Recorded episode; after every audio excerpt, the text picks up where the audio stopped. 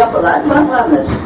Növbəti stansiya 28 may. 30-cu illərin əvvəllərində Bakı təkcə Qafqazın deyil, həm də bütün keçmiş SSR-nin əhalisi çox olan sənaye, mədəni və elmi mərkəzlərindən birinə çevrilmişdi. Buna görə də Moskva və Leninqrad şəhərində metropoliten tikintisindən sonra 1932-ci ildə Bakı metropoliteninin tikilməsinə qərar verilir. Amma 2-ci Dünya müharibəsinin başlanması bu qərarın yerinə yetirilməsinə mane olur. Nəhayət Bakıda 1949-cu ildə metropoliten bazasının tikintisinə başlanılır. Bu da Bakı metropoliteninin istismara verilməsini xeyli gecikdirir.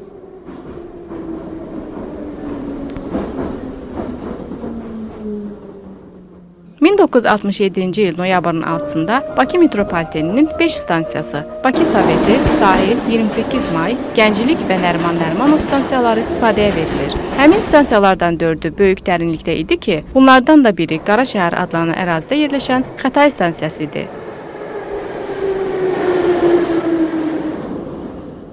Bakı metropoliteninin ümumi uzunluğu isə 34,6 kilometrdir. İlk qatarı maşinist Salman Ələkbərov və maşinist köməkçisi Akif Mirzəyev idarə edir. 1967-ci il noyabrın 25-dən metropoliten qatarlarının müntəzəm hərəkəti başlanılır.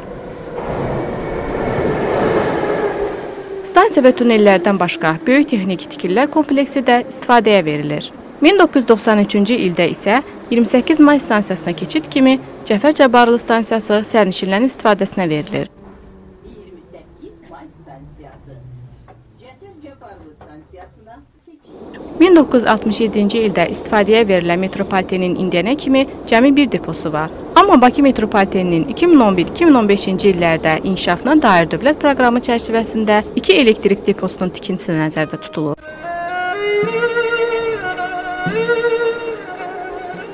1994-cü il martın 19-da Bakı metropoliteninin 20 yanvar stansiyasında ilk terror hadisəsi baş verir. 1994-cü il iyulun 3-də isə Bakı metrosunun 28 may və Gənclik stansiyaları arasındakı qatarda partlayış törədilir.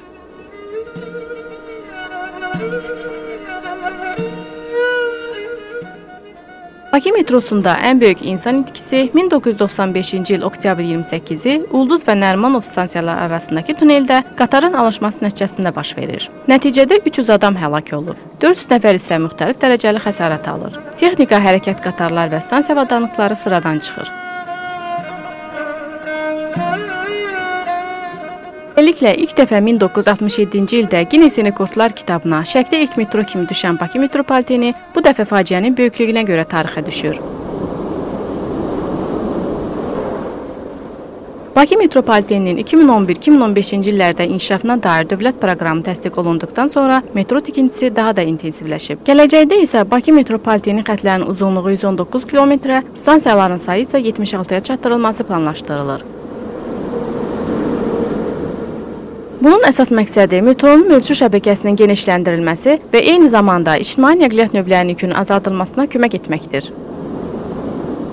Xədicə Hüseynova